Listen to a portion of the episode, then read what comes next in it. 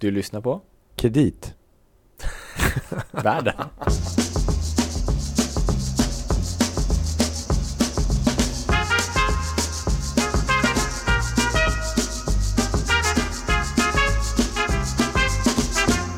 Åh vad skönt att sitta här inne när det är höstrusk utanför, eller hur Louis? Mm, mysa här inne i novemberrusket ja. Mm.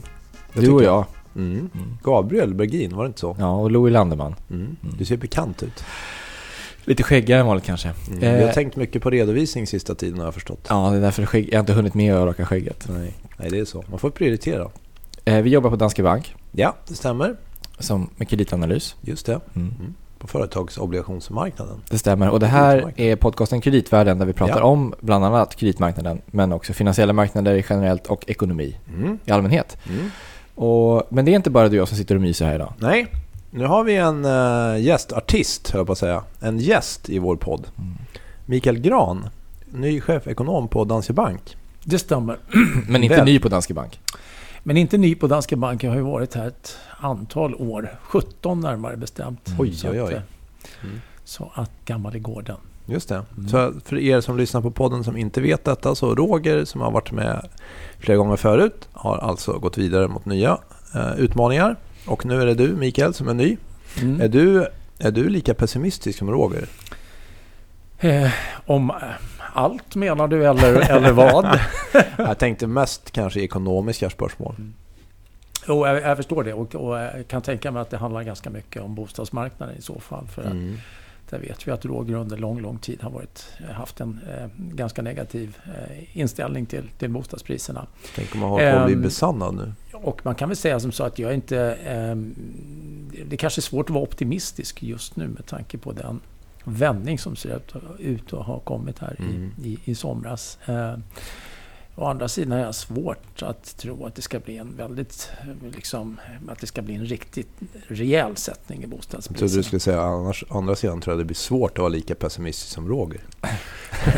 Det, stä, det stämmer också. Ja, det kanske är så. Ja, ja. ja, det kommer nog att visa sig under det här avsnittet hur pass pessimistisk du är kanske. Mm. Vi kan summera Mm. när vi är klara. Mm.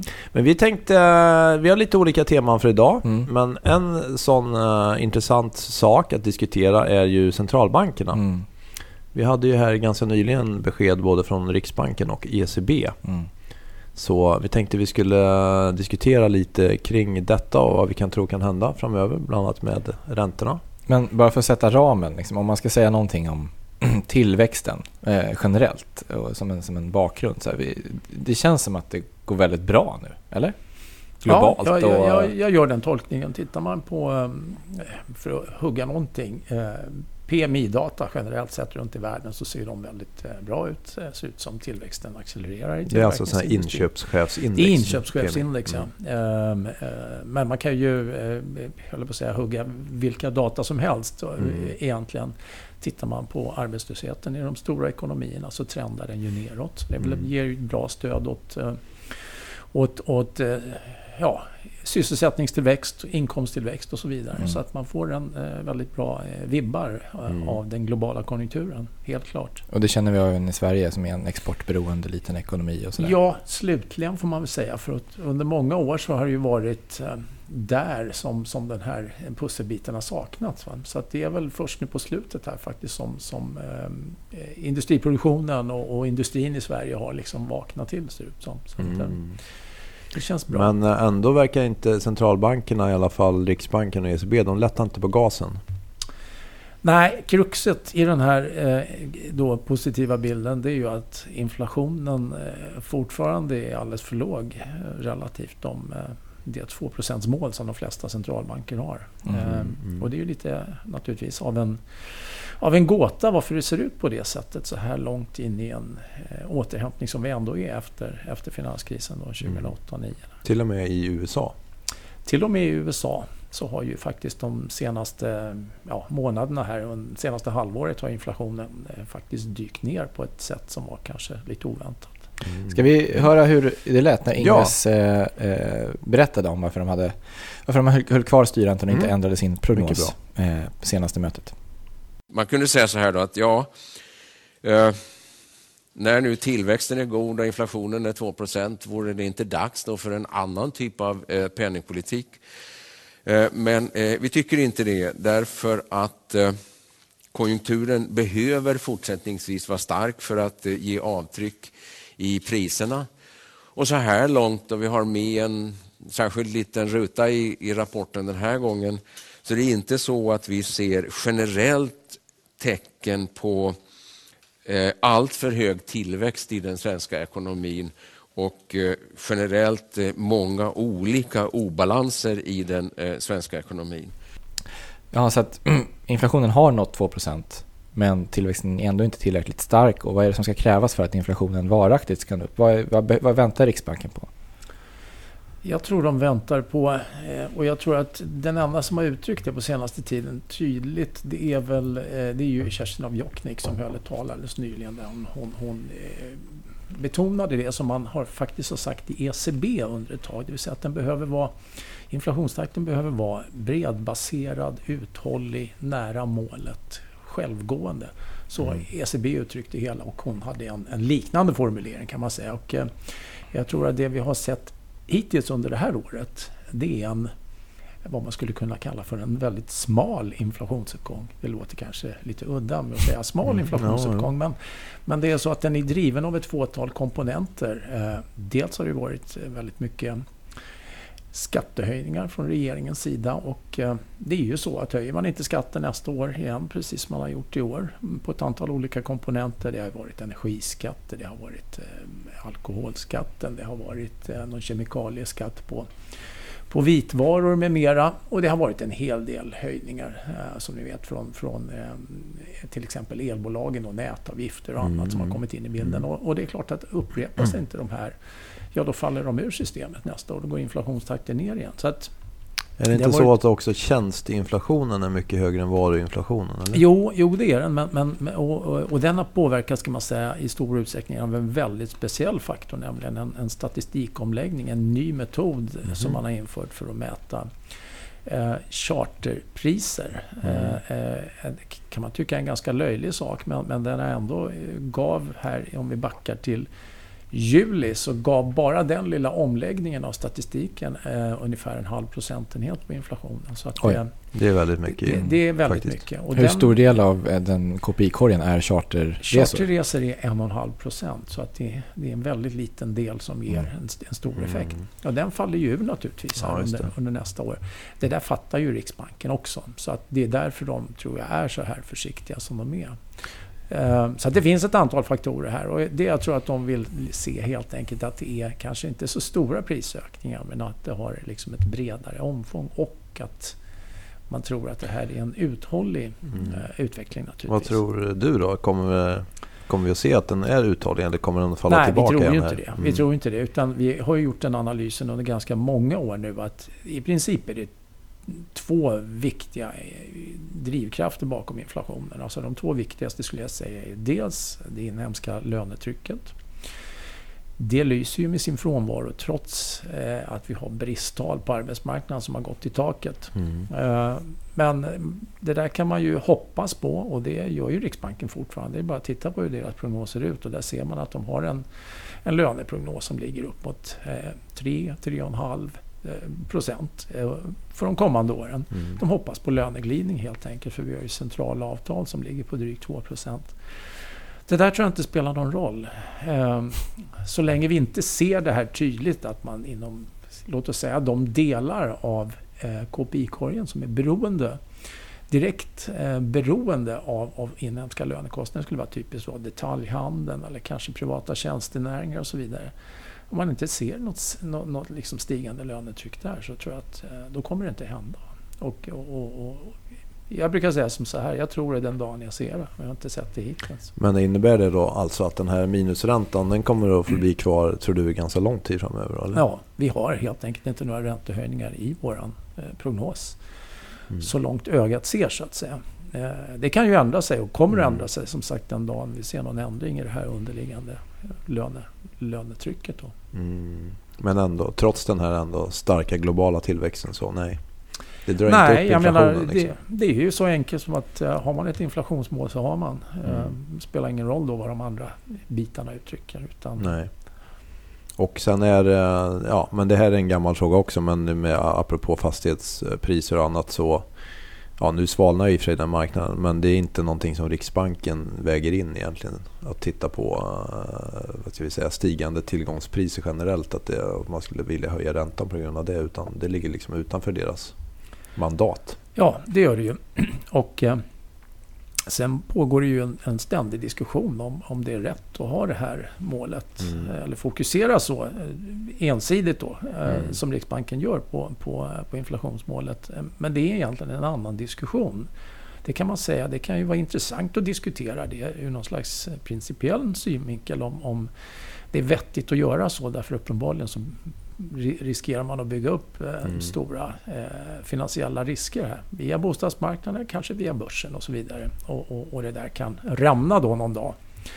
Eh, men som sagt, det är en normativ diskussion och, och den har liksom, den tycker jag att den får man föra, kanske typ i den här utredningen då som är tillsatt om Riksbankens framtida ramverk. Där är den Mm. intressant men eh, för oss som sitter på marknaden och bedömer vad Riksbanken ska göra så, så de har sitt mandat och det är Mm. det man får Det följa. följer dem. Mm. Särskilt nu när det är Ingve som får sitta vidare. Ja.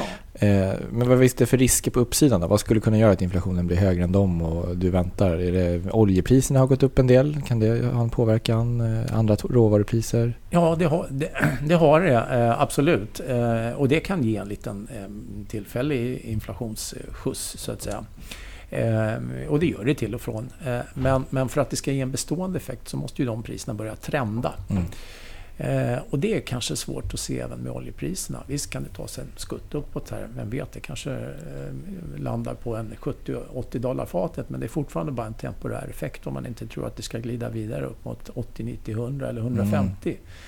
Ehm, eh, och det, det var nog länge sedan man såg den typen av, av prognoser trots allt. Så Det som skulle kunna trenda möjligen lite grann, eh, inte för att jag tror det, men, men vi har ju kronan naturligtvis och det är den andra viktiga drivkraften bakom inflationen. Ehm, och där är det lite grann så att eh, Riksbanken har en prognos på en starkare krona. Det är väl vad man får ut också om man tittar på hur svensk, eh, alltså svenska ränteutsikter eh, ser ut relativt omvärlden. Så att säga. Så, kommer det, så, så är det ju prissatt att Riksbanken ska höja räntorna snabbare än omvärlden och då innebär det ju indirekt så att säga att man ser en starkare krona framför sig. Mm. Men eh, det där går ju lite på tvärs med Riksbankens önskemål då. Det var det jag tänkte säga, för det är väl någonting då som håller tillbaka egentligen. Att man skulle gå mycket före ECB och så vidare. Att ja, då blir det en starkare kronkurs. Då kommer Ja. det att ställa till det i alla fall. absolut, och det är de väldigt rädda för att det ska Mm. bli så. Så att eh, Riksbankens räddning är väl hela tiden i så fall att, att kronan snarast går lite svagare. Att man skalar tillbaka på de här eh, Mm. höjningsförväntningarna och så Mm. tappar kronan lite i värde. Som vi nu har sett de senaste veckorna här. Mm. Just det. Mm. Precis. Men och det man vill ha egentligen det är att det ska få en sån, till exempel en sån eh, arbetskraftsbrist eh, så att det får liksom bestående löneglidning och löneökningar som sen spiller över till slut till konsumenterna. Det är det man önskar sig. Ja, det tror jag. Och det, jag tror att det är enda liksom, tydliga vägen framåt Mm. för, för, för, för en liten öppen ekonomi som Sverige. Och fortsätter den globala tillväxten som nu och det fortsätter spilla över. Vi har ju sett det lite grann i rapporterna att det är ju ökad efterfrågan på Mm. de här Absolut. exportörernas produkter. Mm. Så skulle det kunna hända. Det skulle det kunna göra, absolut. Eh, Det är bara det att man vill ju se en, en, eh, en tydligare sån effekt. Och, och vi vet ju till exempel att delar av arbetsmarknaden, jag tänker till exempel på byggsektorn, där kommer ju en hel del av, av, av byggjobbarna utifrån så att säga. Så där råder det en konkurrenssituation som gör att det kanske är svårt att se att det där skulle eh, är någon liksom Mm. stor fara ur någon inflationssynvinkel eller, eller att det kan komma ett bidrag därifrån. Och likadant så är det ju så med att um, tittar man på offentlig sektor, alltså på, på lärarna och på poliser och så vidare, där man liksom där det finns bud på att de måste ha högre löner för att, eh, för att få in folk i det där. Och man, Mm. där man kanske också höjer lönerna. Mm. Men, men det är likadant där. Det går, ingår inte direkt som, som i den här kostnadsmassan för, för KPI-korgen. Utan då hamnar det mer i som en utgift i offentliga budgetar och det blir väldigt indirekt i så fall när man tvingas höja liksom, eh, när man tvingas höja en del av de här avgifterna, offentliga avgifter, då Ja, kan det slå in där. Så att, ja, det, det, det är en ganska knepig Det tar flera år liksom. Ja, det gör Men sen är vi, vi var inne lite grann på bostadsmarknaden. Jag Mm. tänkte, hade vi inte något eh, klipp på det temat lite grann där eh, Gabriel? Klart vi har ett klipp på det. Mm. Här kommer en, Bostadsklipp.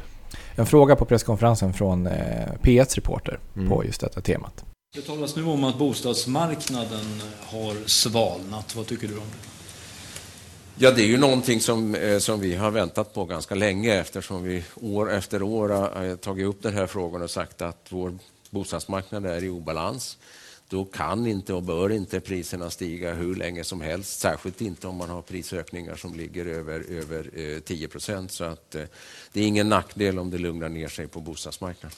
Jaha, men från Riksbankens synvinkel så låter det som att man nästan välkomnar det här. Men innebär det också, om vi nu tänker oss att det blir lite svalare bomarknad, eh, blir det ännu lägre inflationstryck då? Och kanske även att konjunkturen kan svalna av en del då, eller? För att bygg, bygginvesteringar har väl drivit rätt mycket nuvarande konjunktur?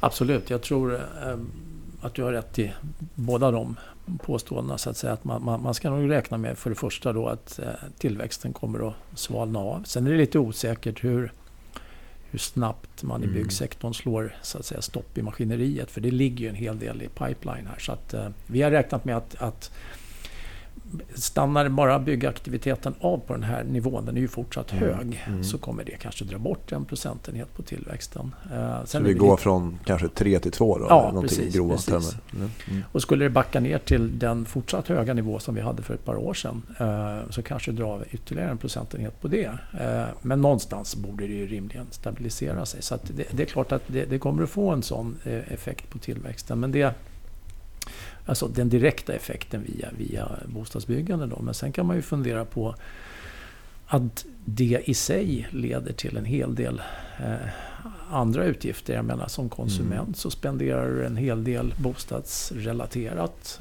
Ehm, Renovera Vit- kök eller någonting kanske? Vitvaror och, Mm. och, och eh, jag menar möbler och annat som, som, som kring Framförallt kanske i Stockholm kan man säga. Det är inte säkert att om man köper en eh, lägenhet på någon mindre ort att man börjar eh, lyxrenovera köket till exempel. Nej, men jag vet inte om det är ett utmärkande drag för just Stockholm eller. Det tror jag. kanske det. Kanske. Okej, mer spekulation kanske. Ja. Något anekdotiskt. Ja. Men, men jag tror att det finns. Ja. det finns ju en, en Mina naturligtvis en, en, en, eh, vad ska vi kalla det för, fara eller en risk i alla fall att, att det här sprider sig till, till i systemet så att Mm. säga. Eh, och, det är väldigt svårt att avgöra hur, hur, stor, eh, hur stora de där ringarna är Mm. i, in i resten av ekonomin. Eh, och det är klart, gör man som Ingves då och säger att eh, ja, vi välkomnar det här och det ska introduceras en, eh, helst en massa ytterligare åtgärder. Um, hurra till det här med Mm. Finansinspektionens Mm. förslag om, om extra amorteringskrav och så Mm. vidare. Ta bort ränteavdraget och så. Jag tror det där är lite vanskligt eh, och, och, och spä på. Ja, eh, finns det en risk att man kommer fel timingmässigt här? Liksom att man fortsätter att trycka på och strama åt så att säga? När... Ja, så kanske det blir lite värre än vad man Mm. hade trott. Ehm, Det är klart, det är så, man, man vet ju vad man kan önska sig, men sen att se till så att det blir den där vad ska vi säga, stabiliseringen av bostadspriser men inte, men inte någon kraftig nedgång. Det är kanske lättare att tänka sig det än och, Och, Men om, om man vänder på resonemanget, för du var inne på vilken mandat man har. Om man är Finansinspektionen, då har man ju egentligen inte mandat för hela ekonomin utan bara för att bankerna ska vara stabila. Så då behöver man ju inte bry sig så mycket om egentligen den ekonomiska risken eller risken för hela ekonomin. Utan säger man att det här behövs för att bankerna ska vara sunda. Och det är det, vårt mandat. Skulle Ja. man kunna säga. ja, fast jag tror väl även att de tänker sig nog också att man har eh, det här. Jag menar, de har ju ett macro-pro-mandat så att säga. Och eh, det som man har hört från de här båda myndigheterna, både Riksbanken och Finansinspektionen, är ju att de de egentligen inte är så oroliga för, för eh, liksom, eh, vad ska vi säga, konkursriskerna med, Mm. med, med bostadsmarknaden hos, hos hushållen och så. Utan det är ju mera, mera vad får det för, för Mm. effekter på konsumtionsviljan Mm. och så. För det i sin tur kan få, få liksom negativa effekter på arbetsmarknaden. Så plötsligt har man den där makroekonomiska nedåtgående om spiralen. Mm. Eh, eh, och det är, ju, det är ju det där som är så knepigt. Det är jättesvårt att bedöma naturligtvis hur, hur, Men de, hur det där kommer se Mm. ut. Ja, det blir också såklart spekulationer, kanske på en annan nivå än de huruvida man bygger kök eller inte i olika orter. Men om det blir en värre sättning av att man pratar om mer åtgärder beror på vad hushållen förväntar sig. Alltså om hushållen förväntar sig att ränteavdragen ska trappas ner eh, så gör det kanske ingenting att man pratar om det. Men om man ändå om den här sättningen nu är beroende av andra faktorer, kanske mer fundamentala eller en annan tro om framtida räntor, så kan ju såklart då ett snack om att sänka ränteavdragen leda till ytterligare. Liksom. Mm. Vad tror du, alltså, är hushållen, vad väntar man sig i termer av räntor framöver och liksom, eh, vilken typ av miljö gör man sin bostadsinvestering i idag? Jag tror nog att hushållen, om jag, ska, om jag får gissa så Ja. tror jag nog att eh, hushållen inte räknar med liksom någon, någon, någon eh, särskilt mycket högre räntor än idag. Även om de på pappret naturligtvis ska klara en betydande uppgång Mm, i, mm. i, i, i ränteutsikterna. Men som sagt, det man kommer att göra är väl precis som man alltid gjort. Man betalar sina räntor på, på den bostad man har. Det gör man i första hand. Och sen skalar man ner på någonting annat. Så det är Mm. ungefär så den där risk, eh, riskbilden ser ut. Mm. Eh, det tror jag. Men som jag ser det så är det väl... Jag, jag tror att det funkar som så här. När man köper sin bostad och, och, och jag menar de priserna som vi har på bostäder idag. Man kan ju tycka att de är höga eller att det är en bubbla eller eh, vad som helst. Men, men vi är här därför att fundamenta eh, indikerar att vi ska vara här. Det vill säga räntorna är ju låga. Amorteringskraven har varit väldigt låga i alla fall till alldeles nyligen. Då, och de är väl det fortfarande på den stora stocken där Mm. ute. Och jag menar vi har eh, i princip ingen fastighetsskatt eh, och vi har fortfarande ränteavdraget och fortfarande stor invandring till storstäderna. Så, så Mm. alla de här bitarna talar egentligen för att, att det ska vara dyrt. Så att Mm. säga. Mm. Det är klart, börjar man rucka på de här förutsättningarna då, i synnerhet om man börjar rucka på flera av dem samtidigt, då finns det ju naturligtvis en risk att då ändrar sig hela den här förutsättningen. för- Ekvationen. Mm. Jag tänkte säga, för det är intressant när man benämner räntan som fundamenta, för den är väl ändå så att säga, rörlig materia i regel. Det, det är den ju självklart, Mm. men, men det är en fundamental faktor bakom Speciellt bostadsprisernas som de flesta har just rörlig ränta. Då. Ja, just det. Precis. väldigt rörlig materia. Men sen, sen är väl det stora frågetecknet också kring den här så kallade utbudschocken av nya bostäder. Hur mycket det eventuellt då kan pressa priserna. Och Mm. då därmed också antar jag en psykologisk komponent vilket är förväntan om framtida priser. Och tror man att priserna ska falla så kanske man amorterar lite mer eller sparar lite mer av någon sorts försiktighetsprincip. Det, det är svårt att säga om att hur mycket kan priset falla och hur mycket slår det. Det blir väldigt många led i det här. Mm. Ja, ja nej, men absolut. Och jag, jag tror att det finns... Egentligen är det väl så att... Jag menar, nu har vi haft stigande bostadspriser i princip i två decennier sedan vi hade fastighetskraschen då i, i början på 90, Mm. eh, 90-talet. Och jag menar, vad det här har skapat är ju en, en lång, lång våg eh, av, vad ska vi kalla det för, feel good. En, en feel good-känsla liksom, som, som jag tror svenska hushåll har ridit på under lång, lång tid. Och den Mm. stora risken framöver, det är ju att den här bryts nu. Mm. Ja, det är klart. Jag vet inte hur folk resonerar i gemen, men det är kanske svårt att tro att man ska kunna dra ut trenden härifrån rätt upp. Att bo, alltså de som går in och köper en bostad nu räknar med att den ska vara upp 10% på ett år och 20% på två år och så vidare. Utan nu Mm. tror jag att det är liksom ett ändrat läge här Mm. framöver. Ehm, och det gör kanske att man funderar på, på vilken typ av bostad det är man köper. Mm. Hur ser föreningens ekonomi ut med mera? Det kanske Mm. börjar Ja, bli riktigt Precis. intressant med Ja. de här detaljerna som det inte Mm, har varit visst. tidigare. Mm. Mm. Det är ju intressant då, apropå då vilken typ av bostad man köper och vilken typ av föreningar och vilken typ av påkostat projekt. Mm. För vi har ju sett det de senaste veckorna med några av de bolag som har rapporterat som just bygger olika nya Ja, projekt. bostadsutvecklarna, att de har hamnat lite i, i centrum för Mm. den här diskussionen. Så är det ju. Mm. Och vi har ju de här, apropå företagsobligationsmarknaden, de här bolagen har ju både finansierat sig på aktiemarknaden men även via preferensaktier och företagsobligationer. Mm. Och vi har tittat lite på hur stora de är för att se kan det här ha någon påverkan på, en, eh, på hela marknaden. Och då har vi kommit fram till att ja, eh, de är som kollektiv har de lånat upp ungefär 7 miljarder i obligationer vilket förvisso är ganska mycket. Men om man ställer det då till hela företagsobligationsmarknaden så är vi på 430 miljarder. Då tänker vi på någon fond som kanske även kan investera i banker och så vidare så är det den svenska kreditmarknaden uppåt 900 miljarder. Så det är klart, i, i, sätter man i det perspektivet så känns det väl ändå som en, en hanterbar volym så att säga. Ur ett systemperspektiv. Även om det skulle kunna bli vissa förluster, det, det får vi väl också se. Mm. För att här kan man ju också tänka sig att en del bolag tar in nytt aktiekapital, mer aktiekapital och så vidare. Eller kanske kan sälja vissa tillgångar, vilket jag vet att till exempel Oscar Properties pratar om. Så det finns ju kanske olika balanserande effekter. Men det är väl också någonting att I dagsläget verkar över tiden. fokusera på att stoppa kostnadsutflödet genom att helt enkelt pausa projekt, verkar det vara. Mm. Den ja, främsta ja, strategin. Exakt, precis. Mm. Så summeringen är väl kanske har, hur stor påverkan har det haft på kreditmarknaden hittills? Så skulle jag säga det är ungefär som, som jag vill ha min martini. Lätt skakad, inte rörd. Den har han tänkt på länge nu. Mm. Mm. Men vi får se. Ja. Mm. ECB då? De kom ju också med besked här precis när, eh, samtidigt som Riksbanken. Mm. Eh, eller samma dag i alla fall. Uh, och där kändes det ju som att uh, Draghi gjorde sitt bästa för att sälja in en väldigt duvaktig bild av ECB. Finns där och kan fortsätta att göra hur mycket som helst nästan, lät det som. Och att man uh, fortsätter med sina obligationsköp. En, ja, första nio månader nästa år i alla fall. Vilket väl är för oss på marknaden en väldigt lång tid. Absolut.